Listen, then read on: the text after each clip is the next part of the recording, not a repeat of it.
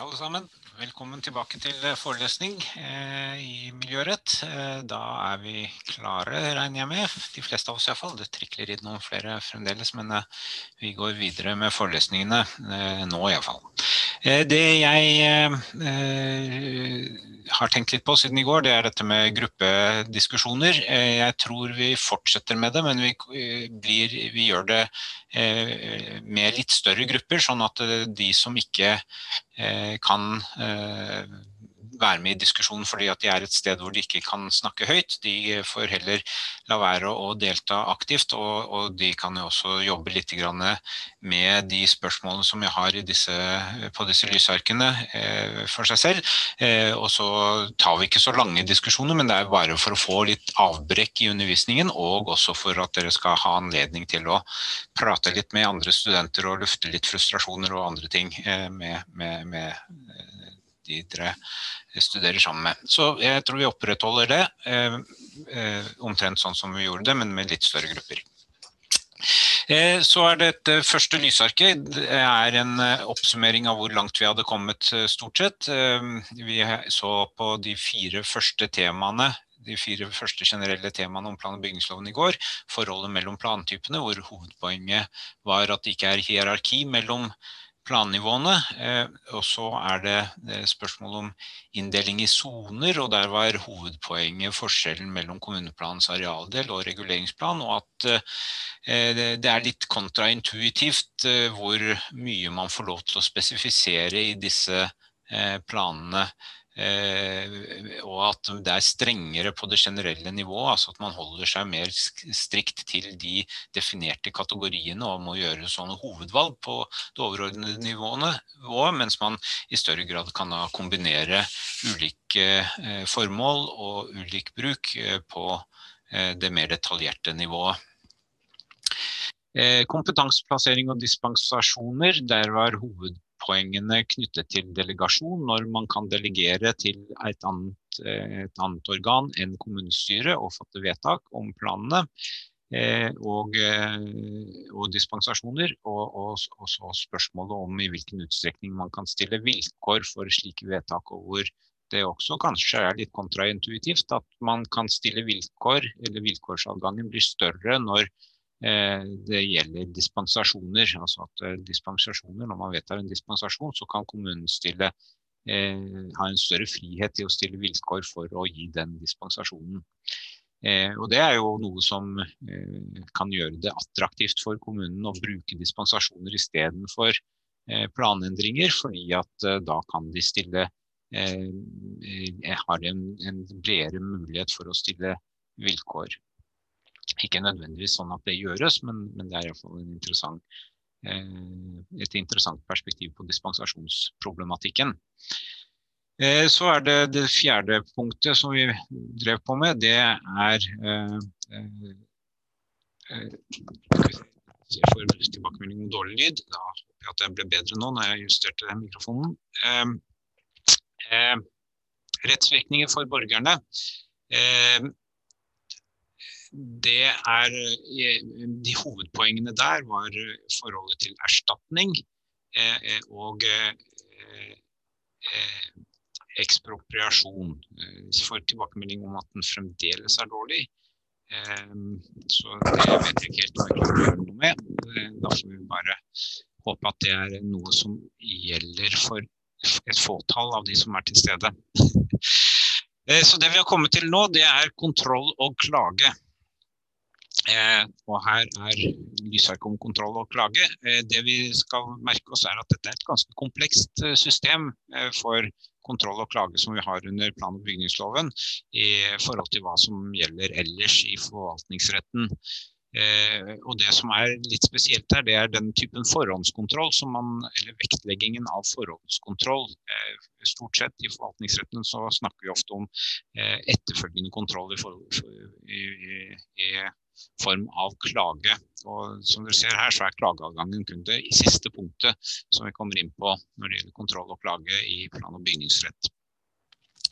Eh, en måte å forhåndskontrollere på, det er at eh, man ikke, at eh, overordnede organer, holdt jeg på å si, altså Stortinget, regjering, ikke får eh, kontroll med se, Nå var det noen som syntes at lyden ble verre. Da håper jeg at den ble bedre nå når jeg tok den ned.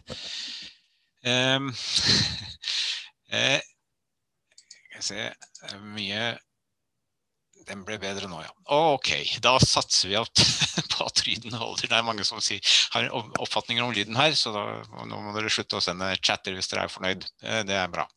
Um, Ok, eh, Når det gjelder overføring av planforberedelse, så er det et ganske inngripende eh, virkemiddel når man skal ha gjennomført et, eh, et større prosjekt med nasjonal eller regional betydning. Det som er mer, mye mer praktisk, og som har vært ganske omstridt, det er innsigelser. Og det er noe som kommer i forbindelse med at kommunen sender forslag til eh, plan på høring. Eh, og da skal det sendes til både statlige myndigheter og til offentligheten og regionale myndigheter. Og det er disse myndighetene som kan fremme innsigelser. Det er ikke private kan ikke fremme innsigelser. Så innsigelses Problematikken dreier seg om forholdet mellom offentlige myndigheter, til, i motsetning til klageadgang, som jo er at private kan klage over eh, vedtak, eh, som er det vi normalt eh, har i, i forvaltningsretten. Eh, og Grunnlaget for innsigelser det er eh, regulert i paragraf 5-4-5-6. Der står det litt om hva de forskjellige organene kan begrunne, eller hva som kan begrunne at man eh, fremmer en innsigelse. Eh, og I utgangspunktet så blir det da opp til kommunen å avgjøre om de etterkommer innsigelsen, altså om de endrer planen i henhold til det som man ønsker.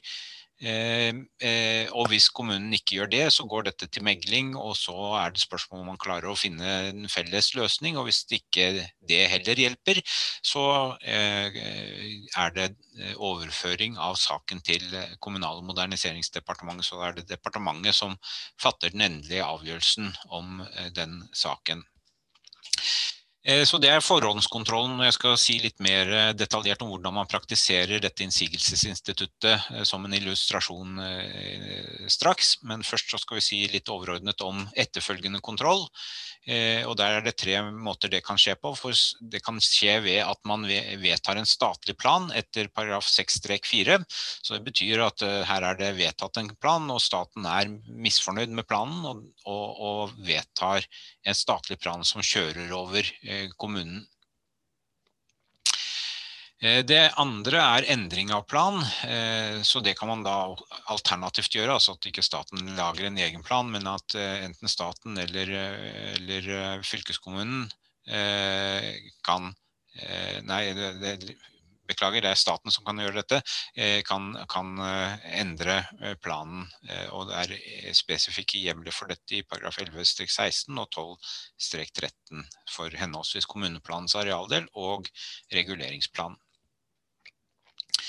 Og endelig så kommer vi da til klageadgangen, og den gjelder bare for reguleringsplan. Og det er jo i tråd med utgangspunktet som jeg nevnte tidligere, om at Eh, en, en, reguleringsplan er å, å, sammenligne med et enkeltvedtak, mens en kommuneplans arealdel er å sammenligne med en forskrift.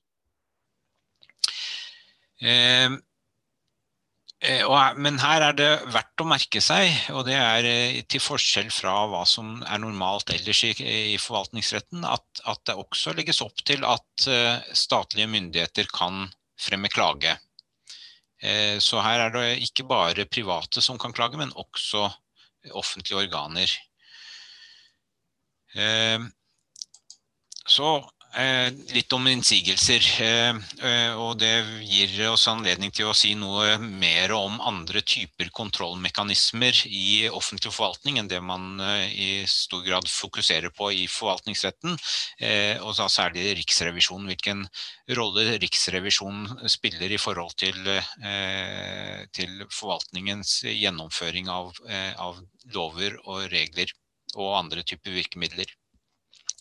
Eh, så Riksrevisjonen driver med det som vi kaller forvaltningsrevisjon. Eh, og annet, ikke bare regnskapsrevisjon, men også forvaltningsrevisjon.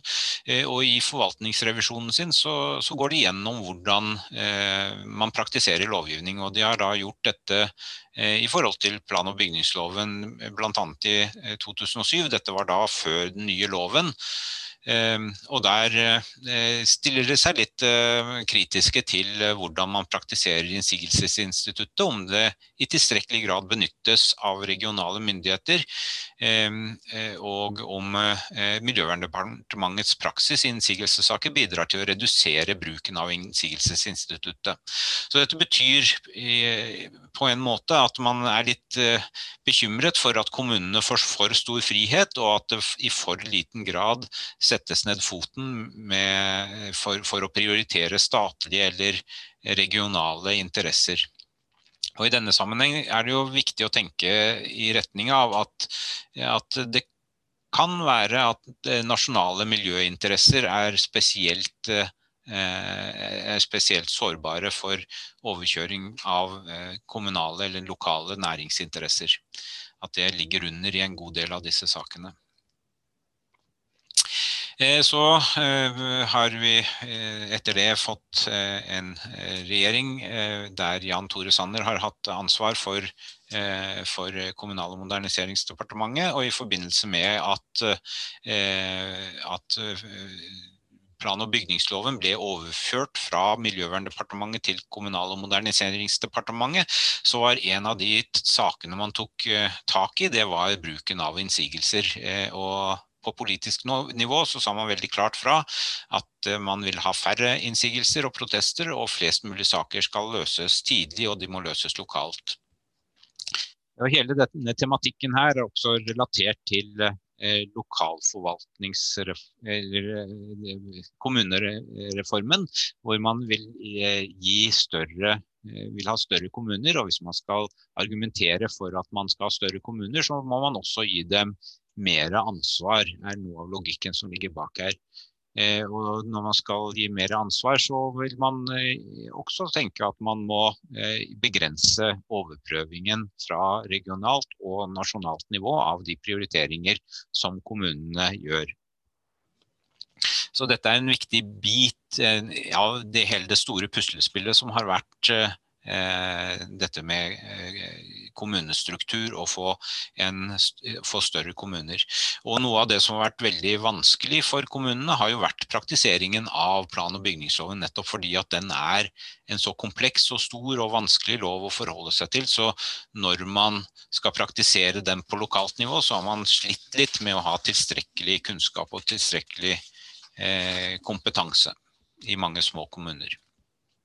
Dette ble så regulert gjennom retningslinjer, denne, denne politiske eh, prioriteringen. Og så eh, får vi en ny eh, vurdering fra Riksrevisjonen i 2019.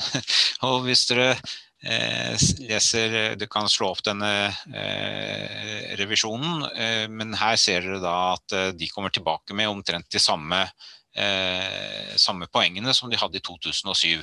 Eh, så det som eh, på et vis har skjedd her, det er at eh, man ikke har fulgt Riksrevisjonens anbefalinger og kanskje beveget seg i motsatt retning av det Riksrevisjonen mente var en god eh, vei videre. Eh, og man får da en, en vektlegging av de samme temaene fra revisjonens side. Så en liten konflikt her mellom Riksrevisjonen og regjeringen. Eh, og Det man skal huske eller ha i bakhodet når det gjelder eh, denne tematikken, her, er jo at Riksrevisjonen er Stortingets, eh, Stortingets, kontrollorgan. Så de rapporterer tilbake til Stortinget om hvordan regjeringen forholder seg til Stortingets eh, prioriteringer. Og Stortingets prioriteringer er jo det som er nedfelt i loven. Og hvis regjeringen ønsker å endre eh, bruken av disse tingene her, så har de en viss frihet til det. Eh, men det, da kan det godt være at de ikke oppfyller lovformålet på den måten som Stortinget har forutsatt. Og det er det Riksrevisjonen på et vis sier ifra til Stortinget når de kommer med disse, eh, disse synspunktene.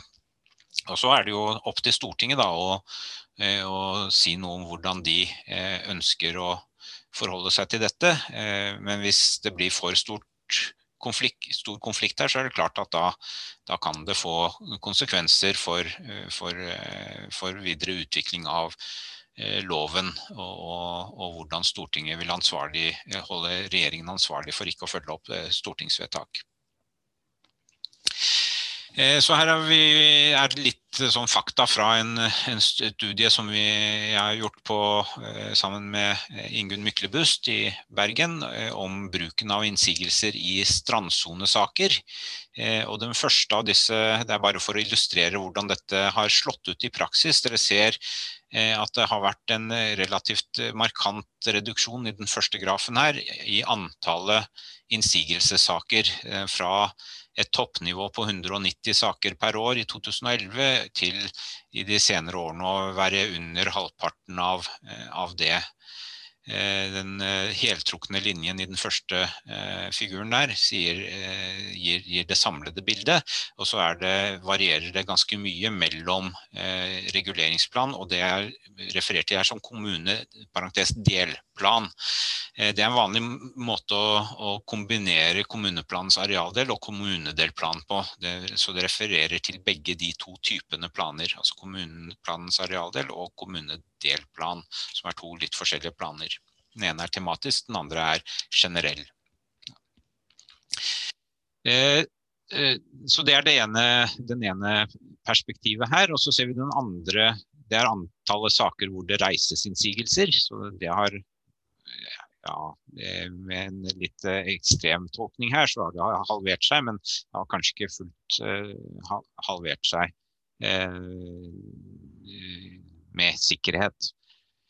Eh, men det som eh, er enda mer interessant, det er eh, hva som skjer i de sakene som kommer til departementet. Så her ser vi hvor mange saker som ender opp på departementets spor.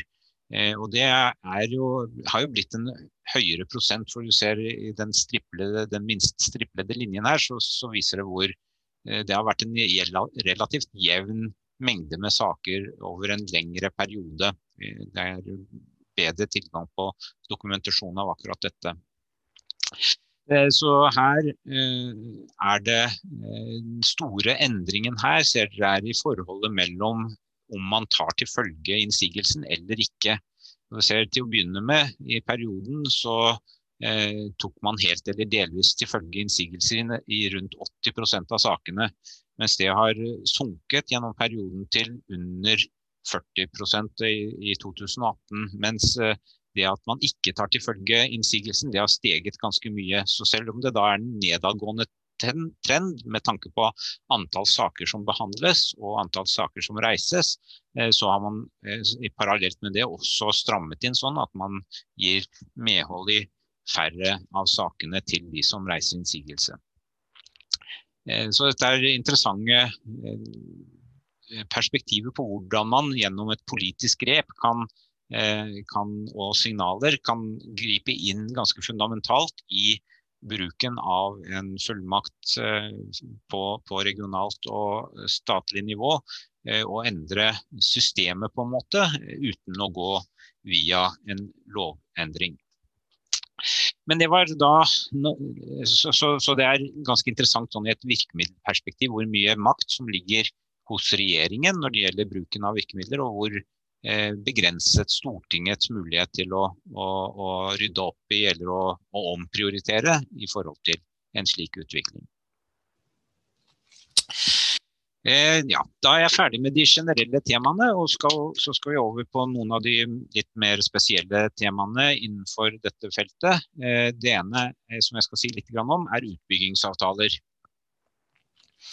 Eh, og eh, disse utbyggingsavtalene de er eh, eh, ganske interessante eh, fordi de gir kommunen ganske mye handlingsrom eh, til å sikre seg goder som ikke nødvendigvis er direkte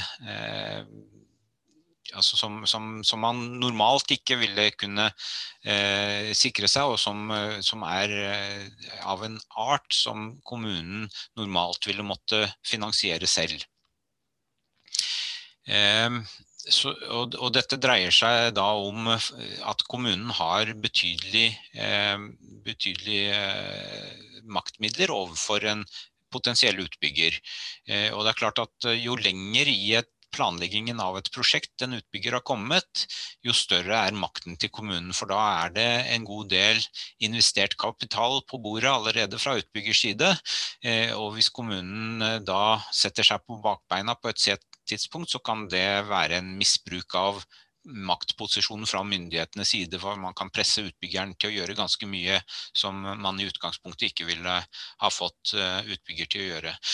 Så her er det dels et spørsmål om å, å sikre utbyggers interesser, eh, at man begrenser kommunens maktbruk. Eh, eh, dels så er det et spørsmål om å, eh, å eh, klargjøre når kommunen kan eh, inngå slike avtaler av hensyn til tredjepart, altså rettssikkerhet for tredjepart. Så innledningsvis her så nevner jeg fleksibilitet som et viktig hensyn her.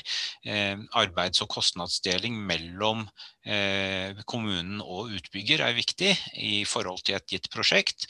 Og så det tredje elementet i disse sakene her er hensynet til tredjepart og rettssikkerhet for tredjepartsinteresser. Når det gjelder forholdet til utbygger, så er dette en begrensning av kommunens maktposisjon, som jeg altså var innom. Eh, og eh, hva som er, kan avtales, er definert i paragraf 17-3 i eh, plan- og bygningsloven, det, det egne kapitlet om disse utbyggingsavtalene noe av det som er et problem her, det er jo å, å få eh, sikret eh, interessene til tredjeparter. Eh, fordi, og, og, veldig ofte så er det disse tredjepartsinteressene som er det som er vanskelig i forvaltningsretten. Akkurat som i tredjepartsinteresser i privatretten er vanskelig å, å, å, forholde seg til. Det er noe av de mest kompliserte rettslige forholdene eller rettslige problemstillingene som dukker opp i den sammenhengen. Eh, så eh, spørsmålet om forholdet til eh, tredjeparter i denne sammenhengen, det knytter seg ofte til om man binder forvaltningsmyndighet på forhånd, altså forhåndsbinding av forvaltningsmyndighet, og på hvilket tidspunkt man gjør det. Og Pga. bekymringer knyttet til det, så oppstiller loven et krav om at slike utbyggingsavtaler må ha grunnlag i plan. De må på en måte eh, Ikke på en måte, de må være eh, ha, ha en, en, forankring i den planen som er vedtatt. Eh, og, eh, og, det skal fattes egen vedtak også om eh, rammene for, eh, for bruken av denne myndigheten. så er det prosedyrer for saksbehandling i eh, loven, som betyr at man skal ha offentlighet og innsyn og eh, muligheter til å, eh, å, gi innspill underveis. Men, men, det er da ikke altså plan, Avtalen er ikke å anse som et enkeltvedtak, og det kan ikke påklages. Eh, så noen sånne sikkerhetselementer ligger det der. Eh, så alt i alt så er dette et system som det ikke har vært veldig mye eh, krangling om. Det har vist seg å fungere relativt bra, stort sett. Det er noen eksempler på at det blir korrupsjonsproblematikk som oppstår i denne sammenhengen også, men ikke, ikke veldig påtrengende.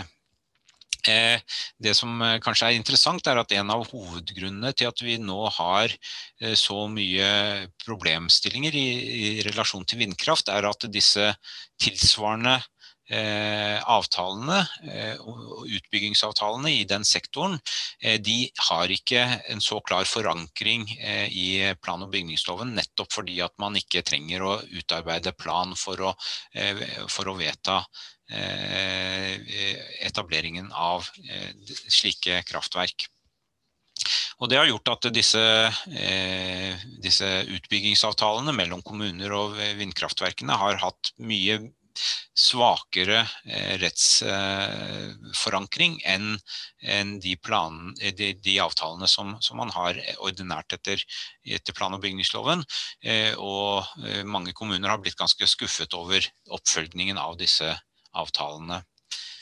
Eh, og dermed blitt eh, veldig negativt innstilt til, eh, til, til utbyggingen som sådan. Det var litt om utbyggingsavtaler og betydningen av, av, at man lager gode rammer rundt utbyggingsavtaler. Så er det litt om strandvernet. Og det har vært et veldig betent tema, veldig mye omdiskutert. Vi har begynte med lovgivning om strandvern allerede før andre verdenskrig i Norge, og har eh, hatt eh, ulike regel, eh, regler om dette opp igjennom. og det, det toppet seg med strandloven, den midlertidige strandloven som ble vedtatt, og strandlovdommen som kom i forbindelse med den. Nå finner vi igjen disse reglene i plan- og bygningslovens paragraf 1-8. Og det er et mindre omstridt byggeforbud, men eh, det praktiseres jo, altså praksisen er fremdeles gjenstand for betydelig eh, diskusjon. Så Utgangspunktet er et byggeforbud i bred forstand, og bredere forstand enn det man har i eh, relasjon til eh, kravet om tillatelser eh, som kommer i kapittel 20 i plan- og bygningslovens og byggetillatelser. Så selv om det da ikke kreves byggetillatelse for en god del av de Eh, tiltakene som er listet i paragraf 1-6, så betyr ikke det at man kan, eh, eh, kan, gjennomføre de tiltakene fritt uten å komme i konflikt med byggeforbudet i paragraf 1-8. Og Det er jo noe av det, grunnen til at man har hatt en veldig problematisk gjennomføring av dette, dette forbudet. er, er er at eh, kommunen ikke har vært eh, godt nok informert om at eh, en god del tiltak er forbudt, selv om de ikke krever tillatelse.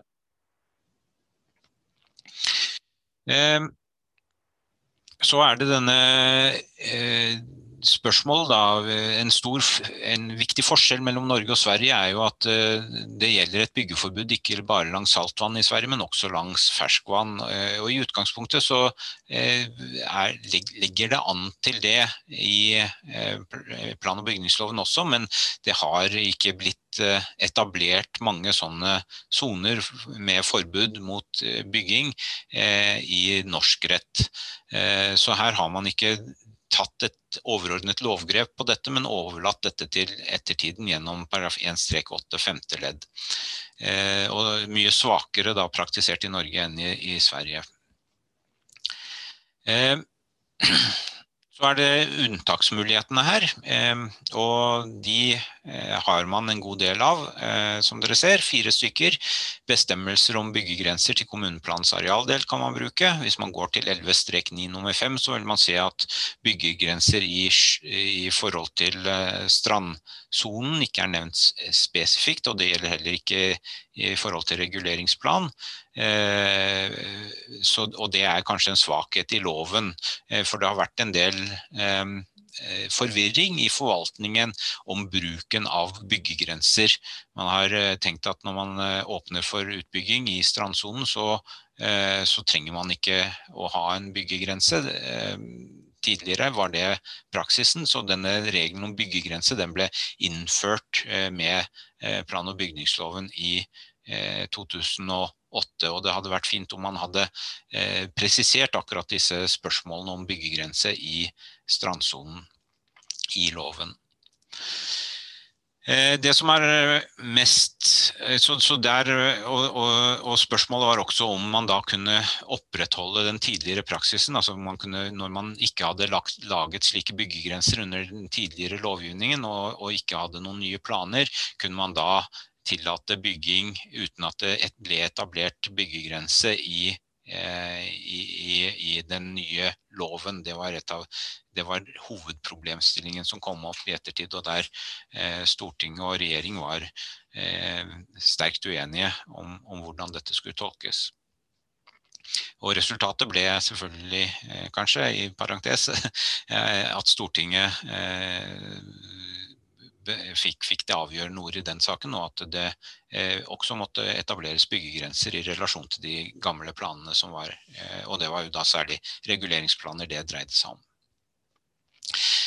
Eh, og så er det dispensasjonspraksisen da, som eh, er eh, også eh, her et, et, viktig tema. Eh, før vi ser på litt eh, statistikk over dispensasjonspraksisen, så eh, bare nevne at det finnes statlige plan planretningslinjer både for sjø og vassdrag. og Dere kan se litt nærmere på dem. og Der vil dere også se at de planretningslinjene som gjelder for sjø, de differensierer mellom ulike områder i landet. Så her ser dere eh, praksisen eh, for utbygging i strandsonen. Eh, og dette er også et prosjekt, det er samme prosjektet som jeg snakket om tidligere, om innsigelser.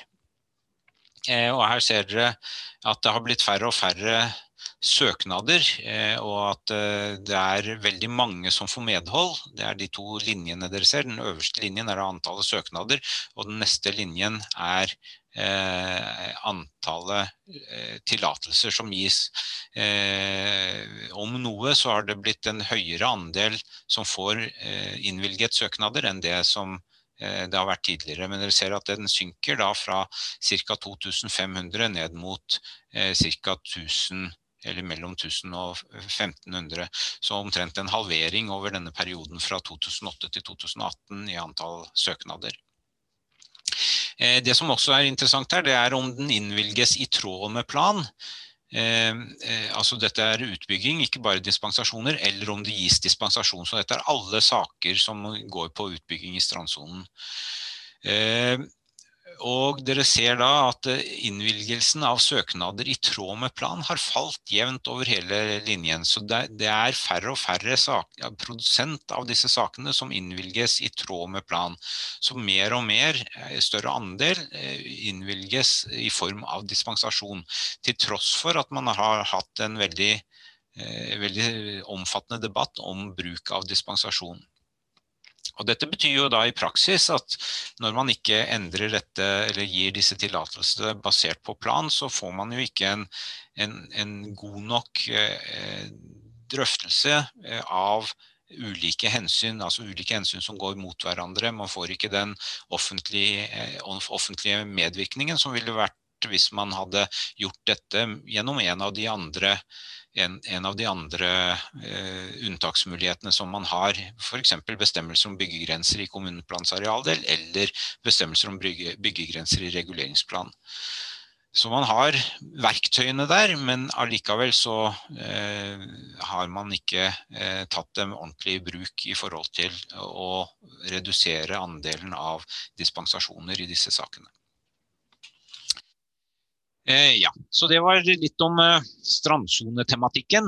Eh, så eh, er det byggesaksbehandling som vi skal gå løs på.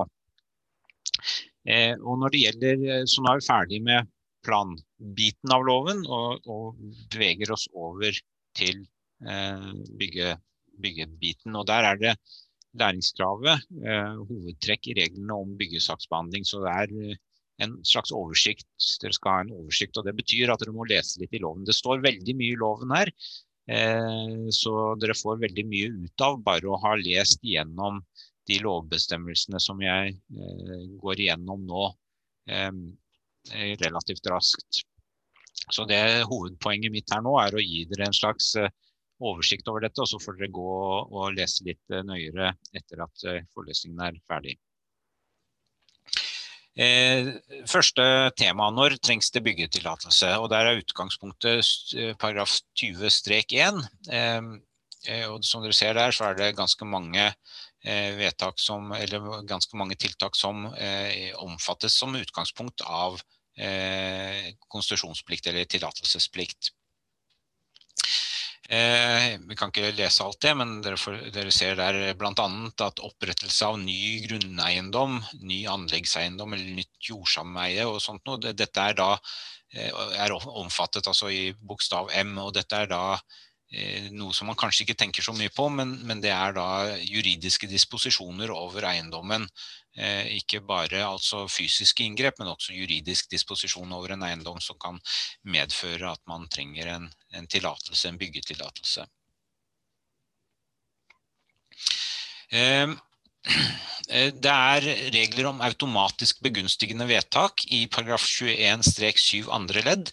og Dette er en, et ledd i det som eh, dreier seg om eh, et, at, man har et lovbestemt vedtak. Altså Så lenge man har laget seg et prosjekt eller en, en, en søknad som oppfyller kravene i, i, plan og i loven, så skal man ha rett til å få det godkjent. Eh, og hvis ikke kommunen fatter vedtak i, etter, innen tre uker, så får man da eh, en, eh, en, eh, et, eh, et, vedtak automatisk i favør av søker. Så har vi dette elementet med hvem som kan søke. og der gjelder det sånn at man for en god del tiltak så må man ha en en med ansvarsrett, altså en fagperson med ansvarsrett, som må stå for søknaden, som at man ikke kan gjøre det som privatperson. Eh, og dette er, eh, er reglene, Hovedregelen om dette er i paragraf 20-3. Og så får man eh, unntak fra denne, eh, dette kravet om ansvarsrett gjennom, eh, gjennom bestemmelser i 20 Eh, strek 4 eh, og 20 strek 5 eh, og 6 når det gjelder for tiltak. Eh, og så er det eh, en regelen i paragraf 20-2 om at tillatelse må foreligge før eh, det igangsettes rettes eh, tiltak på bakken. Eh, og ofte så vil dette innebære at man får en, eh, en totrinnsprosess. At man får først en rammetillatelse og så en igangsettingstillatelse. Så i praksis så vil veldig mange byggetillatelser bli delt opp på denne måten med en, først en rammetillatelse og så en igangsettingstillatelse. Litt mer om dette med eh, lovbundet eh, vedtak. Jeg har nevnt dette med automatisk begunstigende vedtak allerede i 21-7, men rettsgrunnlaget for at dette er, er et lovbundet vedtak, det ligger i, formulert i paragraf 21-4. Og det, det, som eh, vi kan legge merke til der, er eh, at eh, bestemmelsen om at når søknaden er fullstendig, skal kommunen snarest mulig, og senest innen den frist som fremgår i bla, gi tillatelse. Dersom tiltaket ikke er i strid med bestemmelser gitt i medhold av denne loven. I eller i medhold av denne loven. Og det betyr jo da at når man har overholdt eh, lovens krav, så har man krav på tillatelse som utgangspunkt. Men så er det disse unntakene da, eh, som gjelder for kapittel 27-31, og der har kommunen ganske stor frihet til å si nei, dette, her vil vi stille noen vilkår, eller her trenger vi denne utformingen av bygget. Er vi ikke enig i at det er Eh, vakker, eller eh, altså, disse paragrafene om, om, hvordan man skal eh, harmonere et, et bygg med, med omgivelsene. Hvor, hvor, strenge man skal være på å ha et enhetlig eh, preg på bebyggelsen i et område, eller hvor fleksibel man er med tanke på ulike prioriteringer av, eh, av eh, utseende og funksjonalitet. Eh, og så er det dette at man kan nedlegge midlertidig byggeforbud, som jeg har vært inne på. Og den dommen som jeg nevner her, det er eh, Vassøy Canning-dommen. Eh, som dreier seg om eh, spørsmålet om når man Eh, kan nedlegge et slikt midlertidig bygge- og delforbud. Og hele poenget med den dommen det er at når man først har gitt en tillatelse, så kan man ikke eh, nedlegge et midlertidig bygge- og deleforbud. Da gjelder den tillatelsen. Eh, så, så, det blir på en måte skjæringstidspunktet for hvor lenge kommunen kan komme tilbake med, med, med et krav om midlertidig bygge- og deleforbud. Jeg nevner også en annen dom her, rettstiden 1995 siden 1939, som dreide seg om lokalisering av bygning. Den sier litt om hvor omfattende kommunens eh, skjønnsmyndighet kan være. Eh, og akkurat denne, denne, dommen dreide seg om plasseringen av en bygning, bygning på en landbrukseiendom, og at man eh, fra kommunens side da ønsket å plassere bygningen utenfor det som var, eh, var angitt som, eh, som byggegrunn på eiendommen. Eh, og hvor Høyesterett kom til at det kunne man eh, gjøre. Og her finner du også noen referanser til eh, paragraf 110 b, altså Grunnlovens paragraf 110 b på den tiden, som nå er Grunnlovens paragraf 112. Eh,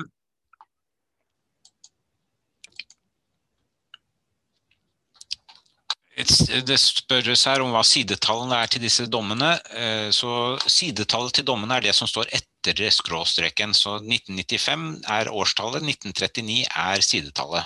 2002 er årstallet, og 683 er sidetallet.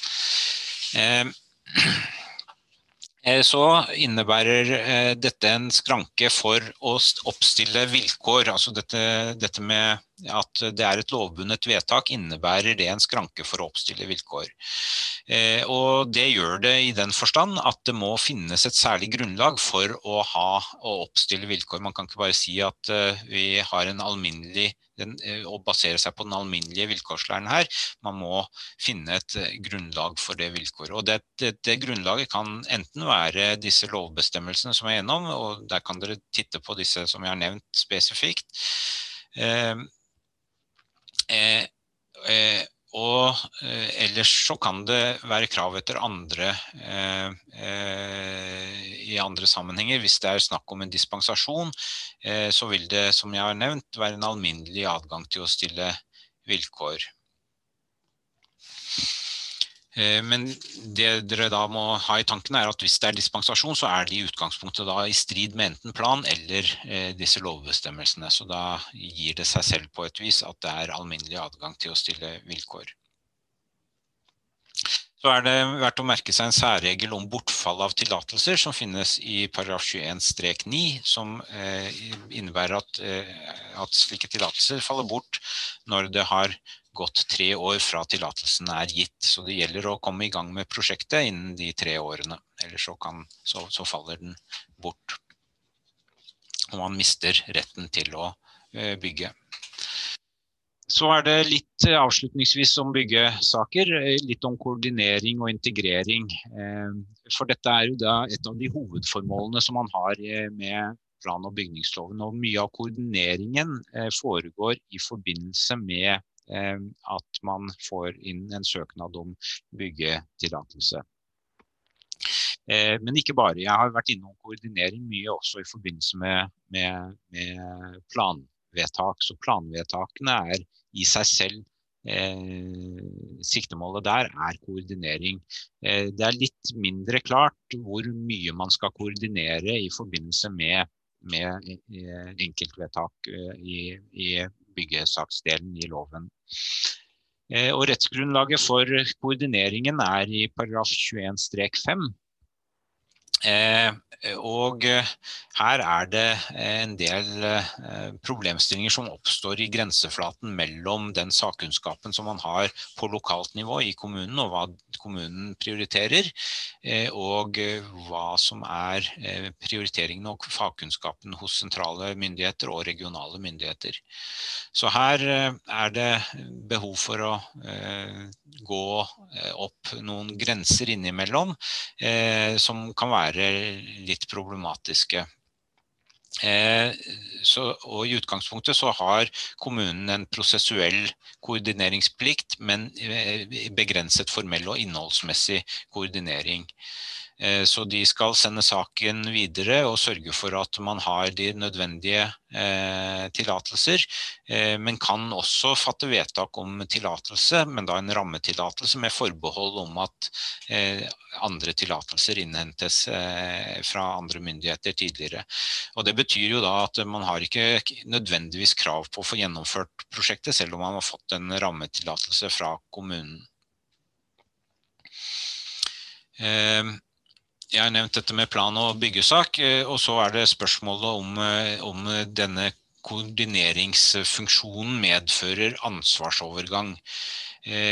Og det gjør den ikke. ikke så, så, så, poenget her er at kommunen får ikke et, et, ansvar eller erstatningsansvar hvis den, har, eh, hvis den har gått feil her, og forutsatt at her ble det innhentet tillatelser og trodde at det var i orden, men, men, det viser seg at det ikke er i orden, så, så, er det ikke kommunen som sitter med ansvaret, det er utbygger eller den private som har ansvar for å, eh, sørge for at tillatelser etter andre lover er i orden. Da har klokken blitt 15, eh, og vi tar et kvarters pause.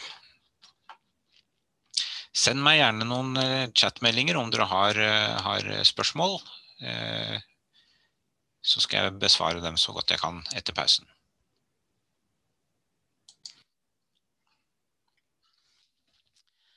Ja, velkommen tilbake igjen. Da håper jeg lyden er bra for alle.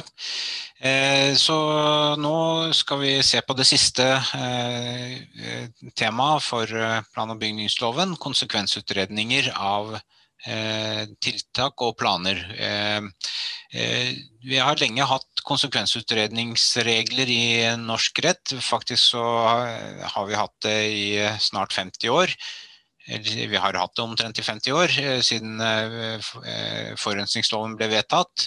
Det kom inn i plan- og bygningsloven i, på slutten av 80-tallet. Og har i hovedsak nå blitt et tema under plan- og bygningsloven og ikke under andre, annen lovgivning. Det er noen lover som, hvor man holder fast ved egne konsekvensutredningsregler, særlig Eh, finner vi det i eh, petroleumsloven. Eh, og det er stadig vekk et spørsmål om konsekvensutredningsregelverkets anvendelse i havområdene. Men, og, det som er spesielt for konsekvensutredninger, det er at disse er veldig sterkt knyttet opp mot internasjonalt regelverk. Eh, særlig EU-direktiver, men også eh, finnes det regler om dette i eh, generelle konvensjoner, traktater som Norge er bundet av. Eh, Bl.a. i Århuskonvensjonen, som vi skal komme litt tilbake til etter hvert i, senere i forelesningen. Eh, konsekvensutredninger eh, har eh, litt ulike hovedformål. De har selvfølgelig å sørge for at saken er så godt opplyst som mulig, jf. forvaltningslovens paragraf 17 også. I tillegg til det så har det som et hovedformål å bringe på banen andre interessenter, slik som private parter, men også andre myndigheter og til og med andre land i forhold til de sakene som må gjennom en konsekvensutredningsprosess. Eh, det tredje hovedpoenget her det er at man må eh, legge fram alternativer og eksponere sitt eget prosjekt eller det man har lyst til å gjøre i lys av hva som er alternative bruk av et område eller alternative måter å gjøre et prosjekt på. Eh, så denne, eh, denne, denne eh, alternativvurderingen som man, man, må gjøre, er et veldig viktig element i konsekvensutredningsregelverket, og det er viktig at man på en måte har det i bakhodet. Eh, for det er klart at når man er en, en tiltakshaver som har gått og rugget på et, et, rugget på et prosjekt over lang tid, eh, så er det klart at da er man ganske låst i den eh, tanken som man har, og den måten å gjøre tingene på som man har planlagt, og har en sterk motvilje mot å legge opp til at dette skal gjøres på en annen måte måte eller av noen andre enn den som vil foreslå eh, prosjektet. Eh, så det er eh, da samfunnshensynene som her slår gjennom overfor den enkelte tiltakshaver i forhold til de, de litt større og mer omfattende prosjektene som har stor samfunnsmessig betydning. Eh, og så er Det siste formålet her det er å legge grunnlag for kompenserende tiltak. Det kan være at man eh, Og dette går jo mye på eh, at man må oppstille vilkår hvilke vilkår man skal stille for en tillatelse. og Da kan det f.eks. være for vindkraftanlegg at man må stanse driften når det er hekketid for fugler i området, eller når det er, når det er trekk Eh, altså fugler som kommer flyvende fra sør mot nord eller nord mot sør, eh, og skal eh, lande i områder rundt, eller flyr gjennom de områdene hvor det er vindkraftanlegg. Eh, som ett eksempel. Det finnes utallige eksempler på mulige kompenserende tiltak. Det er eh, også eh, I mange tilfeller så stiller man krav om at man skal overvåke virkningene av, av prosjektet over tid. Skal, sånn at man har ikke full kunnskap om hvilke virkninger det har når man får tillatelsen, og at man får bli pålagt å, å iverksette miljøovervåkninger og, og, og, og rapportere tilbake til myndighetene Eh, som eventuelt da eh, et mulig grunnlag for å omgjøre eh, vedtaket i ettertid. Eller justere vedtaket. En generell utvikling når det gjelder konsekvensutredninger, er at man startet opp dette systemet med veldig åpne fullmakter til forvaltningen at eh, forvaltningen nærmest etter eget forgodtbefinnende kunne bestemme når det, de mente at det var nødvendig å gjennomføre en konsekvensutredning, eh, og hvordan denne skulle gjøres, til at man nå har fått veldig detaljerte regler. Eh, både om når det skal gjennomføres og eh, hvordan det skal gjennomføres. Eh, disse reglene finner man veldig få av i selve plan- og bygningsloven, så her må man inn i konsekvensutredningsforskriften for å finne eh, disse reglene. Eh, er, eh, så, så, dere kan nesten ikke lese plan- og bygningsrett på dette punktet uten å gå inn i konsekvensutredningsforskriften, så jeg vil anbefale dere å ta en titt på den. Eh, her har jeg også nevnt disse andre grunnlagene for krav om konsekvensutredning. Det er Grunnlovens paragraf 112, det gjelder andre ledd der. altså denne, denne retten som man har til kunnskap om virkningene av inngrep i naturen, som eh, Grunnlovens paragraf 112 andre ledd oppstiller. Eh, på tiltaksområdet så er det også da plan- og bygningslovens kapittel 14 som gjelder. Eh, og tiltak det er da i motsetning til planer, som man har konsekvensutredningsplikt for planer og for tiltak. Og nå ser vi på de spesifikke tiltakskonsekvensutredningene. Så er det et eget EU-direktiv om dette, som er fra 2011, og som ble endret i 2014. Eh, og eh, det dere skal være obs på når det gjelder EU-direktivene, det er at eh, man ikke har den tradisjonen i EU om å lage konsoliderte versjoner av disse direktivene. Så når et EU-direktiv, det, det, dette direktivet fra 2011 var et eksempel på at man konsoliderte tidligere Eh, direktiver eh, til et direktiv, eh, men så har det i ettertid blitt endret, og da kan man ikke lese direktiv 2011 92 isolert fra dette 2014-direktivet. Men heldigvis da så lager man uformelle konsoliderte versjoner. Så hvis dere går inn på EUs hjemmeside for dette, så vil dere finne det konsoliderte uoffisielle direktivet som nå gjelder.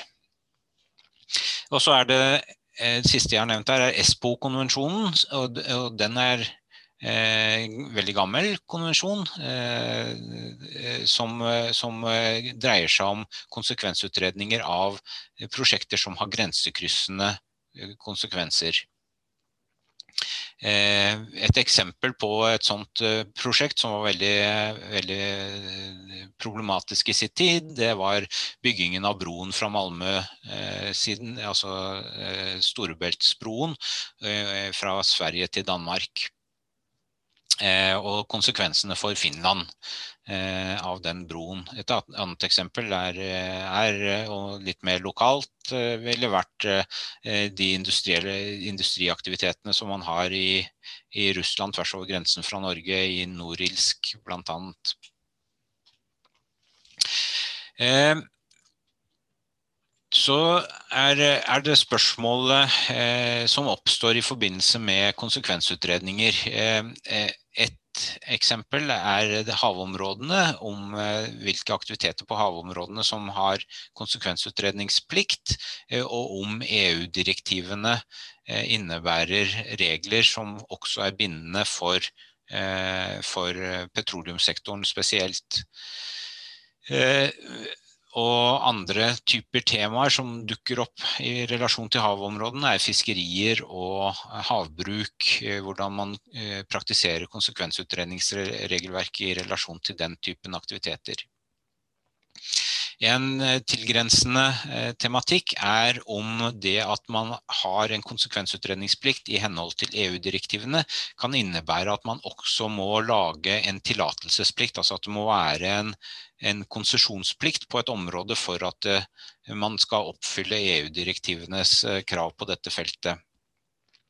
Et nærliggende eksempel på, på det er innenfor skogbrukssektoren, hvor man har en ordning som, som innebærer at kommunene kan oppstille en meldeplikt for skogbrukstiltak. Her kan man tenke seg store, store endringer av Eh, av skogen med at man hogger ned over store områder og eh, planter nye trær og begynner å gjødsle området og dermed endrer et naturskogområde fra en naturskog til en plantasje nærmest. Eh, og et sånt prosjekt kan man gjennomføre under dagens skogbrukslov uten å søke om, om tillatelse til det. Eh, men man må lage en plan eh, for det, og det kan være en meldeplikt eh, hvis den gjelder i kommunen for den typen tiltak. Men i utgangspunktet da ikke et konsesjonspliktig tiltak, og dermed så er det ingen som tenker på bruk av konsekvensutredninger innenfor skogbrukssektoren. Så det har vært et ikke-tema. Men hvis man går inn og ser på eh, konsekvensutredningsplikt i EU-systemet, så vil man se at det, er, eh, det både er dommer fra EU-domstolen og praksis i mange stater om eh, bruk av konsekvensutredninger også i det Eh, på det feltet. Og eh, det finnes også dommer fra EU-domstolen som sier at eh, ja, hvis dere har, ikke har konsesjonsplikt på et, et, forvaltningsfelt, så må man innføre det for å oppfylle kravene til konsekvensutredningsdirektivene. Så her det, ligger det en hund begravet i forhold til norsk regelverk og oppfyllelsen av det som, som nok burde ses nøye på i, i, om ikke så altfor lenge. Eh, når skal det foretas konsekvensutredning? Eh, det skal gjennomføres eh, tidlig, eh, så, tidlig som mulig i en vedtaksprosess. Eh, og det er grunnen til at man eh, har den regelen, er at disse, disse konsekvensutredningene skal få en reell innflytelse på utfallet av av eh, saksbehandlingen. Eh, og det skal også lages et utredningsprogram. så Det betyr at man skal lage en, først lage en oversikt over hvor, hva man skal utrede, og hvordan det skal utredes.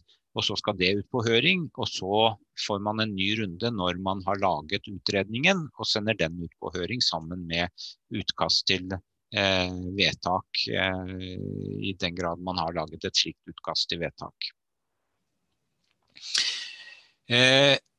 Eh, så hva som skal utredes, det står det ofte en del strid om, og det er det som man da må bestemme i dette utredningsprogrammet. Hvilke alternativer er det som skal utredes? Og det er, alltid en, det er en regel om at det alltid skal utredes eh, nullalternativ, altså utredning av hva som vil skje framover uten at man tenker seg dette prosjektet realisert.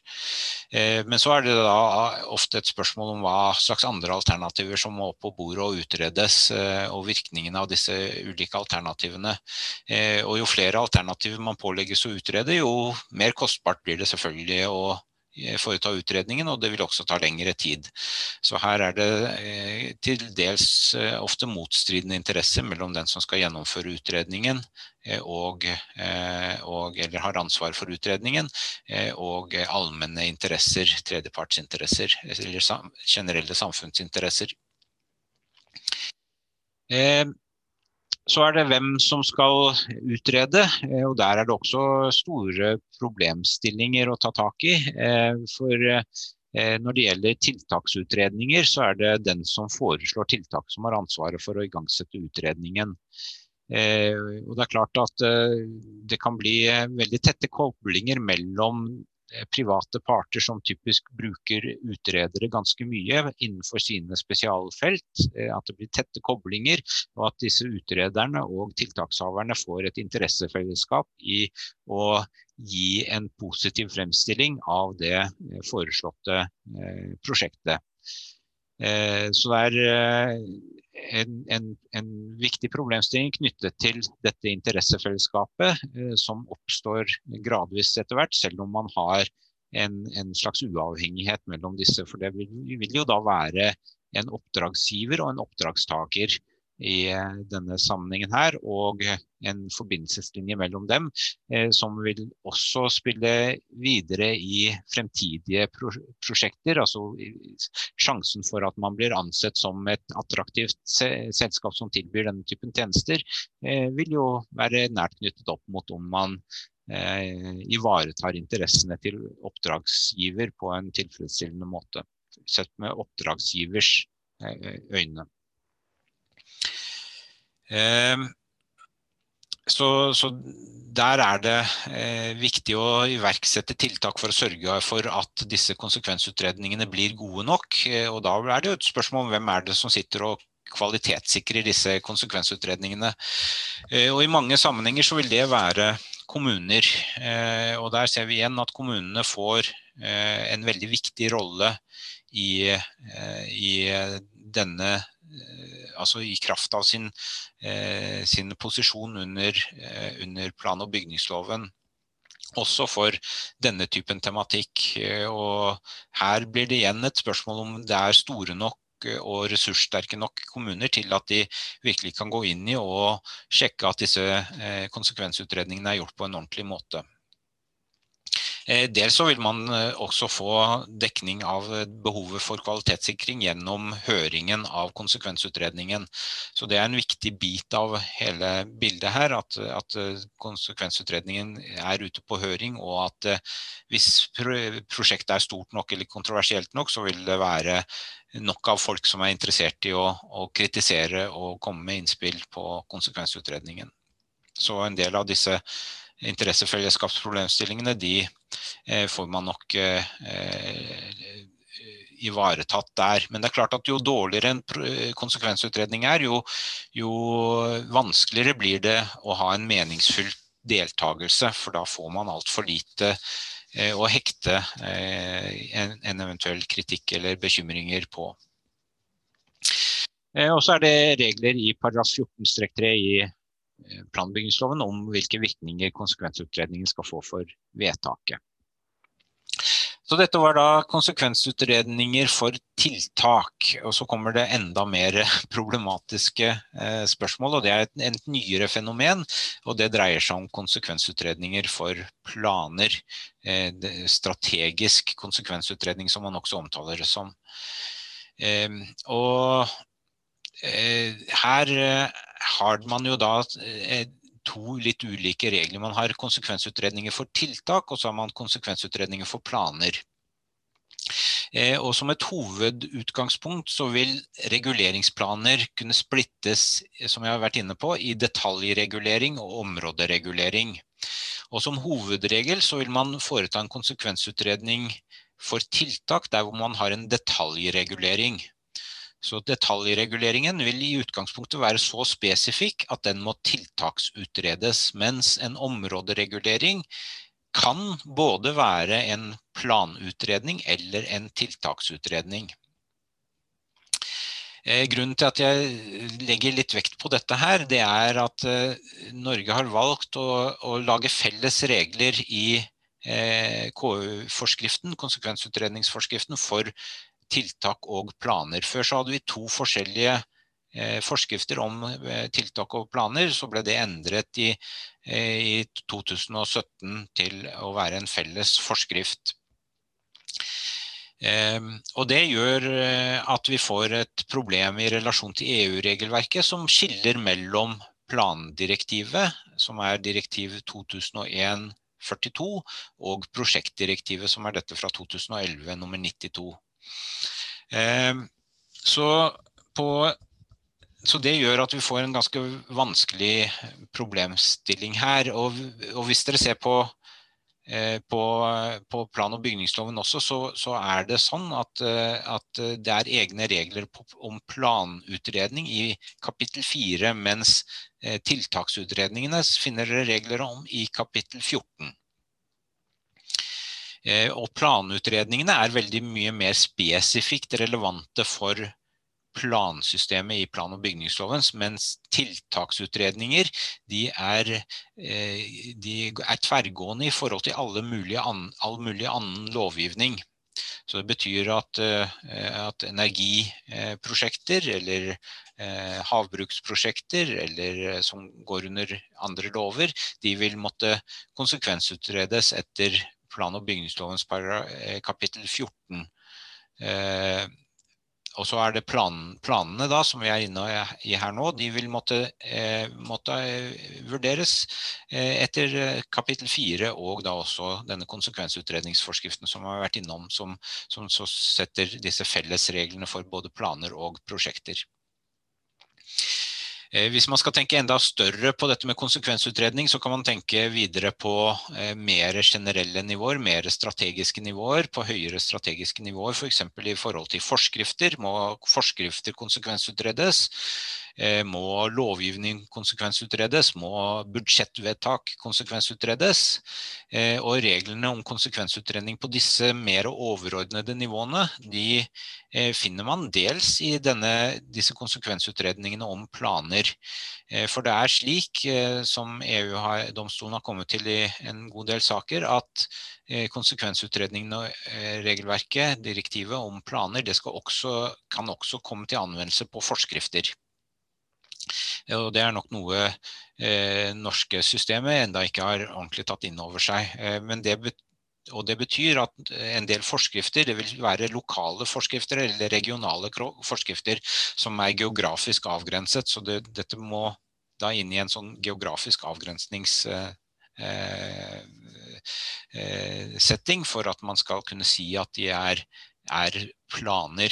Så den definisjonen av planer, det er en uavhengig definisjon i EU-systemet, så det defineres av domstolen i stor grad, for det er relativt eh, svakt definert i direktivet.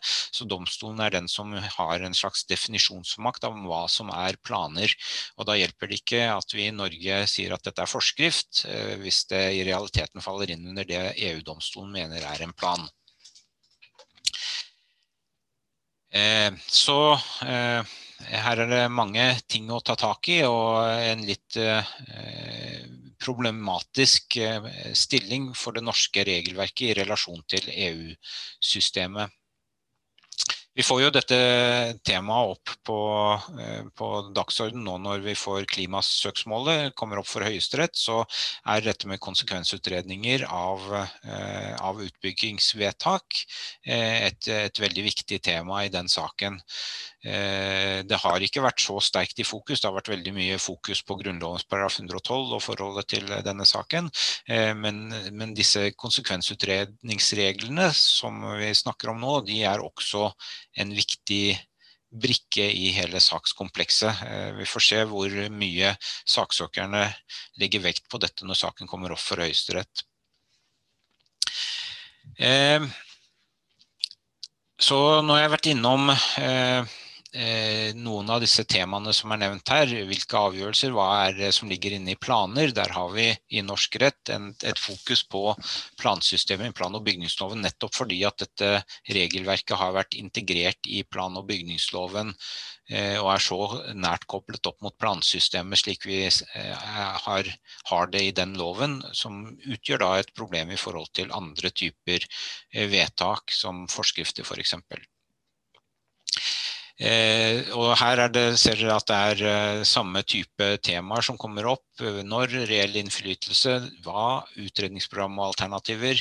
Hvem, her skiller det seg. Hvem er det som har ansvar? Jo, det er planmyndighet som har ansvar. Eh, eh og her kan det være at man vil si forslagsstiller, men, men, forslagsstiller vil i realiteten på dette feltet her, for plansystemet, vil det være kommunen som vil være den, eller fylket eventuelt hvis det er fylkesplan, eller staten hvis det er en statlig plan, som har ansvar for å gjennomføre konsekvensutredning. Og så er det deltakelsesreglene som gjelder eh, både på utredningsprogramstadiet, eh, som dere ser nederst, og ved selve planforslaget med konsekvensutredning skal ut på høring før det fattes vedtak. Det som skiller også plannivået fra tiltaksnivået her, det er utredning av alternativer.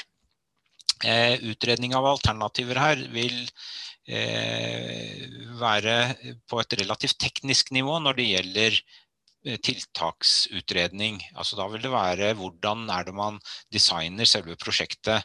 Eh, hvor er det man, eh, hvis vi tenker oss tilbake til eh, disse vindkraftsakene, siden de er så i vinden for tiden, eh, så, så, er det eh, da et spørsmål om, om, hvordan man utformer selve utbyggingen.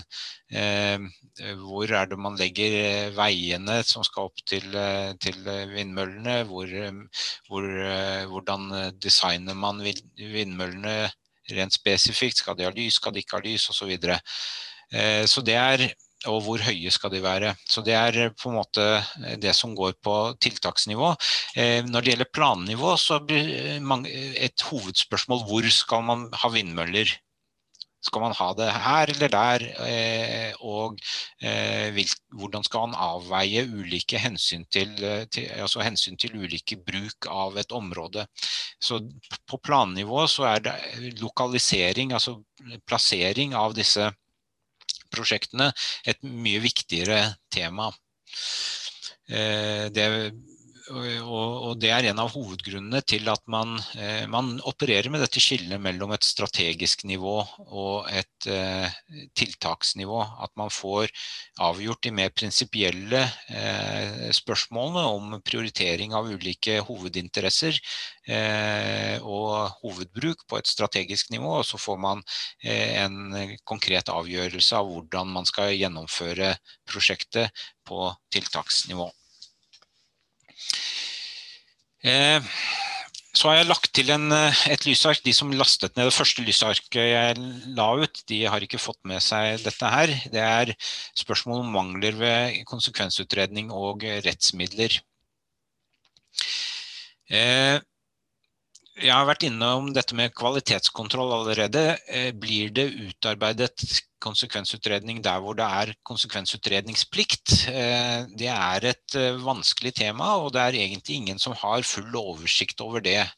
Eksempelvis så har jeg prøvd å finne eh, ut om det har vært ut hvor mange tilfeller det har vært utarbeidet konsekvensutredninger for akvakulturanlegg, altså store lakseoppdrettsanlegg. Eh, og Foreløpig så er, tilsier det jeg har funnet at det nesten ikke utarbeides slike konsekvensutredninger eh, for slike anlegg i Norge. Eh, mens i alle andre land så har man en veldig streng praksis på konsekvensutredning av denne typen virksomhet. Det er kanskje et problem det de sier i akvakultursektoren, er at de har regler om utredninger uansett, og at man ikke trenger å gjøre dette i henhold til de eh, prosedyrer som gjelder formelt for konsekvensutredninger etter plan- og bygningsloven. Eh, og det eh, kan nok være et, eh, et eh, overbevisende argument, eh, og det skal vi komme litt tilbake til når vi ser på domstolenes rolle etter hvert. Eh, det er ingen, ikke noe sentralt organ som, eh, som, kontrollerer eh, konsekvensutredningenes kvalitet. og Ofte vil disse gå til kommunestyrene, som jeg nevnte. Det gjelder spesielt der hvor det er detaljregulering, når det er konsekvensutredninger som dreier seg om detaljregulering i enkeltprosjekter. F.eks. så har man mange gruvesaker hvor, hvor, det er reguleringsplanen som blir det viktige punktet, altså detaljreguleringen av gruveprosjektet, og hvor det er kommunestyret som da sitter og mottar denne konsekvensutredningen om å eventuelt sende denne tilbake til, til utbygger for videre utredning hvis man ikke er fornøyd med den. Det som jo også er en situasjon man kan få her, det er at konsekvensutredningen må suppleres for, for at den skal kunne være god nok til å fatte vedtak om forurensningstillatelse, som også skjer i en del tilfeller. Så er det det forhold da at godkjenning av en konsekvensutredning, det at man sier at denne er god nok, nå går vi videre med saken, det er et prosessledende vedtak. Og i utgangspunktet så har man ikke eh, mulighet til å påklage disse prosessledende vedtak. I norsk rett så er det sånn at eh, hvis man eh, har et prosessledende vedtak man, og man er uenig i det, så må man vente til hovedsaken er avgjort og klage over det endelige vedtaket. Eh, og Det er et, et, en problemstilling i relasjon til EU-direktivene her, som gir faktisk en rett til, eh, til rettsmidler som eh, det er uklart om norsk rett oppfyller på dette, på dette punktet. Hvis det så kommer til disse endelige vedtakene og de blir omstridt, så har vi et par saker som er uh, viktige, som er fra Høyesterett, uh, om uh, konsekvensutredninger og forholdet til forvaltningslovens paragraf 41. og det husker dere sikkert at forvaltningslovens paragraf 41 eh, er en slags reparasjonshjemmel som sier at hvis, eh, selv om det er en saksbehandlingsfeil, så kan den eh, repareres hvis det er slik at man kan anta at, at saksbehandlingsfeilen ikke har virket inn på resultatet i saken. Eh, og eh, Situasjonen var den at i begge disse sakene så kom Høyesterett til at eh, saksbehandlingsfeilen ble reparert. Ehm, eh, denne siste saken, Reinøya-saken, eh, den er klaget inn for ESA. Den kan dere slå opp som ESA-sak nummer 83059. og foreløpig status i den saken er at, at man har fått en henvendelse fra ESA om å uttale seg om visse spørsmål i saken, og så har den norske staten svart på de spørsmålene, og nå er saken til behandling i ESA. Eh, eh, det er uklart om eh, denne tilnærmingen med å kunne, med å kunne reparere vedtakene på denne basisen i henhold til forvaltningslovens paragraf 41 er i tråd med direktivenes krav om virkningene av at det ikke er gjennomført konsekvensutredning på den måten som forutsettes. Eh, I den amerikanske ambassadesaken så kom ikke dette spørsmålet på spissen fordi at det ikke var konsekvensutredningsplikt under direktivene i den saken. I Reinøya-saken så kan dette også være en, en viktig, et viktig element, selv om det er mer uklart om det eh, er, er, eh, konsekvensutredningsplikt under direktivene i den saken. og Det er vel grunnen til at den saken kommer inn for dette systemet. Eh, dette, det har vært veldig få saker om konsekvensutredninger for norske domstoler, og det er nok noe av grunnen til det er nok at eh, disse eh, godkjenningene av konsekvensutredninger er et prosessledende vedtak, og at man har eh, få muligheter til å angripe eh, konsekvensutredningene som sådan, og at eh, Høyesterett har vært relativt relativt positivt innstilt til å, å, å anvende paragraf 41. Eh, I motsetning til Norge, eller til kontrast fra Norge, så er det 75 eh, eh, saker som jeg har funnet i fall, fra EU-domstolen om konsekvensutredningsdirektivene. Så et betydelig eh, tema som det er veldig mange saker om i EU-domstolen, og som det er også mye eh, diskusjon om i EU-systemet. Ja, tiden løper. Eh, jeg har eh, laget eh, noen, en sånn summegruppetematikk rundt snøskuterløyper. Jeg tror vi dropper den summegruppesaken. Her har dere muligheten til å ta en liten kollokvie på det med medstudenter.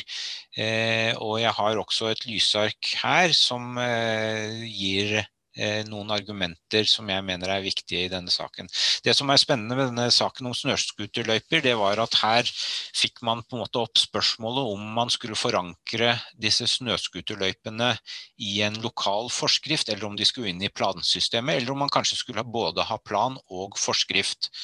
Man kan tenke seg situasjonen, man får en, en endring av loven som åpner for fornøyelseskjøring innenfor eh, visse løyper, og så må man etablere disse løypene.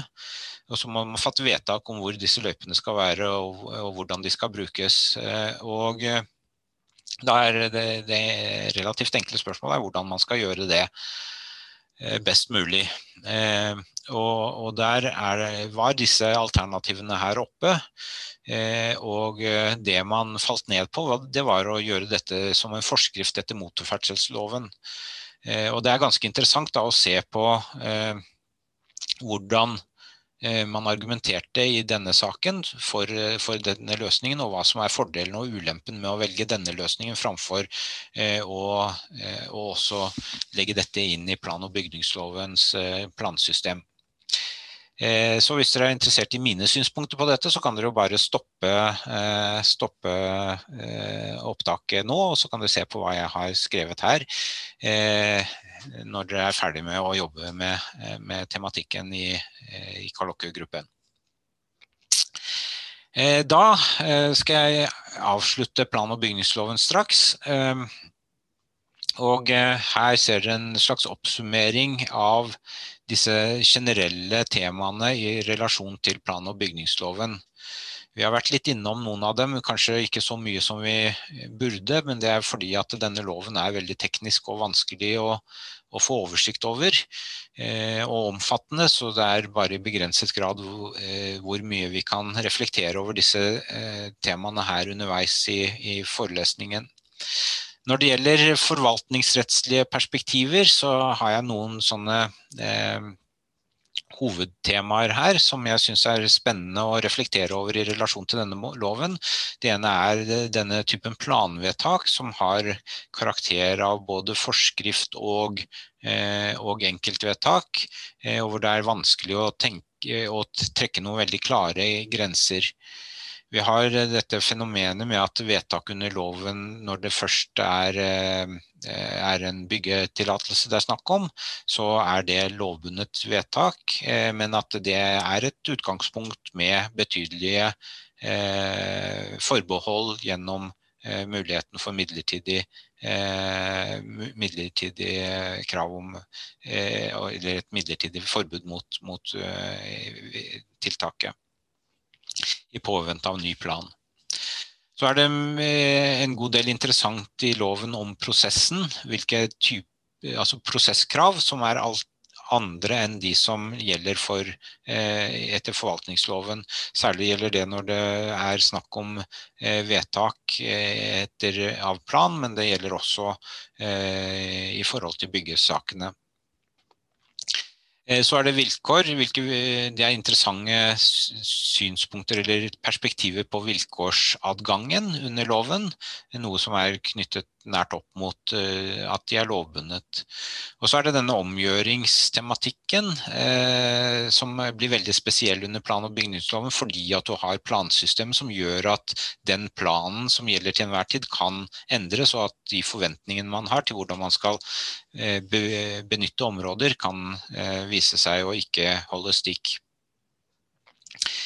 Vi har eh, mange prinsipper i eh, loven, men dere vil se at det er noen prinsipper som ikke er eh, representert veldig klart. Noen av disse miljørettslige prinsippene, føre-var-prinsippet, tiltakshaver skal betale-prinsippet, best lokalisering, best mulig teknologi og økosystembasert forvaltning. Eh, noen av disse prinsippene kommer inn i loven via f.eks. For forurensningsloven eller naturmangfoldloven. Så det, det, at de ikke er nevnt eksplisitt i plan- og bygningsloven, betyr ikke nødvendigvis at de ikke er eh, relevante eller viktige også under praktiseringen av plan- og bygningsloven. Grunnlovens eh, betydning her eh, er eh, kanskje litt vanskelig å få tak på, men noen ganger så kan den aktualiseres. Selv har jeg sett litt på dette med utbygging i strandsonen og forholdet til Grunnloven, om den Grunnloven har, potensielt har en betydning i relasjon til, til utbygging i strandsonen. Eh, og mener vel at det kan tenkes at den kan ha eh, betydning. Eh, men det skal mye til. Og der hvor den nok har størst praktisk betydning, er i relasjon til informasjonstilgang og utredningsspørsmål, og som et argument under tolkningen av loven. Og da ikke, altså, ikke som selvstendig rettsgrunnlag. Internasjonal miljørett eh, er ikke så veldig eh, viktig under plan- og bygningsloven utenom i forhold til konsekvensutredninger. Eh, og i forhold til selvstyretematikk så kan også internasjonal rett er en egen konvensjon under Europarådet om kommunalt selvstyre. Så der finnes det noe tematikk som er viktig i relasjon til plan- og bygningsloven og tolkningen av den. EU- og EØS-retten kommer først og fremst inn her på dette feltet i eh, relasjon til konsekvensutredningsregelverket. Eh, men også deltakelse i beslutningsprosesser mer generelt, og, eh, og, i forhold til rettsmidler, hvilke rettsmidler som er tilgjengelig for private og tredjepartsinteresser. Når det gjelder etiske perspektiver her, så er det først og fremst tredjepartsinteresser som er viktige å, å, problematisere i relasjon til plan- og bygningsloven. Veldig mange av reglene som vi har snakket om, eh, er knyttet opp mot ivaretagelse av tredjepartsinteresser og svake grupper. Så disse, eh, disse perspektivene er de som blir de sentrale i forhold til eh, plan- og bygningsloven. Ja, det var en lang harang om eh, plan- og bygningsloven. Jeg håper dere har hatt utbytte av det, og at dere har fått et klarere bilde av det. Og om, dere, om det er mye dere lurer på eller eh, tenker at dere må studere nøyere, så er det ikke noe å fortvile over. Det er et, eh, nærmest et livsprosjekt for en god del å relatere seg til denne loven, så at dere har problemer med å å få ordentlig tak på denne loven eh, ut fra å ha lest litt i læreboka og hørt på meg, det er ikke noe å fortvile over. Det er eh, helt eh, forståelig. Og det er viktig å ikke bli altfor nedsunket i detaljer her, men bruke evnen sin til å se de litt større linjene og systemet som sådan, hvordan dette systemet er ment å fungere. Eh, og ikke, eh, ikke bli altfor opptatt av teknikalitetene i dette regelverket. Det er, og, og, det er viktig også da å bruke tid på å lese gjennom lovteksten. Det er veldig mye som eh, kan vinnes på å bruke tid på eh, å, å bli kjent med loven og konsekvensutredningsforskriften. Vi har ikke så mye tid igjen, men jeg tenkte at vi kunne begynne så smått å lukte litt på naturmangfoldloven også. Eh, læringskravene her er omtrent likelydende eh, med eh, de som gjelder for plan- og bygningsloven. Og også når det gjelder naturmangfoldloven, så er det utvalg av enkelte deler av loven dere skal ha kjennskap til, og ikke hele loven som sådan. Så er rettslige virkemidler og rammer for forvaltning av naturmangfold gjennom områdevern etter naturmangfoldloven. Eh, men man kan ikke bare studere områdevernkapittelet i loven, man må også se på kapittel 1 og kapittel 2 i loven, særlig kapittel 2. Eh, som altså de dreier seg om, eh, i hovedsak da, om definisjoner og, og anvendelsesområde i kapittel 1. Og så er det disse eh, målene eh, og, form, og, prinsippene som, som er med i kapittel 2. Eh, det som er litt karakteristisk, karakteristisk for eh, naturmangfoldloven, det er at eh, kapittel 2 eh, får anvendelse på tvers av lovgivningen. Så det, det kapitlet er på et vis da eh, et, et tverrgående, tverrgående, regelverk litt på samme måten som som plan- og bygningsloven. Men mens plan- og bygningsloven er mer rettet inn mot å koordinere Eh, ulike hensyn og prøve å avveie ulike hensyn mot hverandre, så har naturmangfoldloven et litt annet formål. Den skal sørge for bærekraftig bruk og vern og ivareta langsiktige interesser. Så mens eh, plan- og bygningsloven har et mer sånn administrativt koordinerende funksjon, så har eh, naturmangfoldloven et mer politisk prosjekt og et mer eh, retningsorientert prosjekt. Den skal drive retningen i en natur Eh, klarer i en naturretning, altså i en ivaretakelse av naturmangfoldet. Eh, eh, man kan jo si at plan- og bygningsloven har også et tilsvarende mål gjennom å bidra til bærekraftig utvikling, men bærekraftig utvikling er i seg selv et såpass løst og omfattende begrep og prosjekt at det gir ikke den samme retningen som det naturmangfoldloven gjør. Eh, så det får være en liten sånn eh, forsmak på naturmangfoldloven, og så kommer vi tilbake til den igjen i morgen. Og så kommer vi til å fortsette med eh, forurensningsloven i morgen. Og så blir det mer om klima og EØS-rett, internasjonal miljørett, på, på torsdag. Ja, takk for i dag.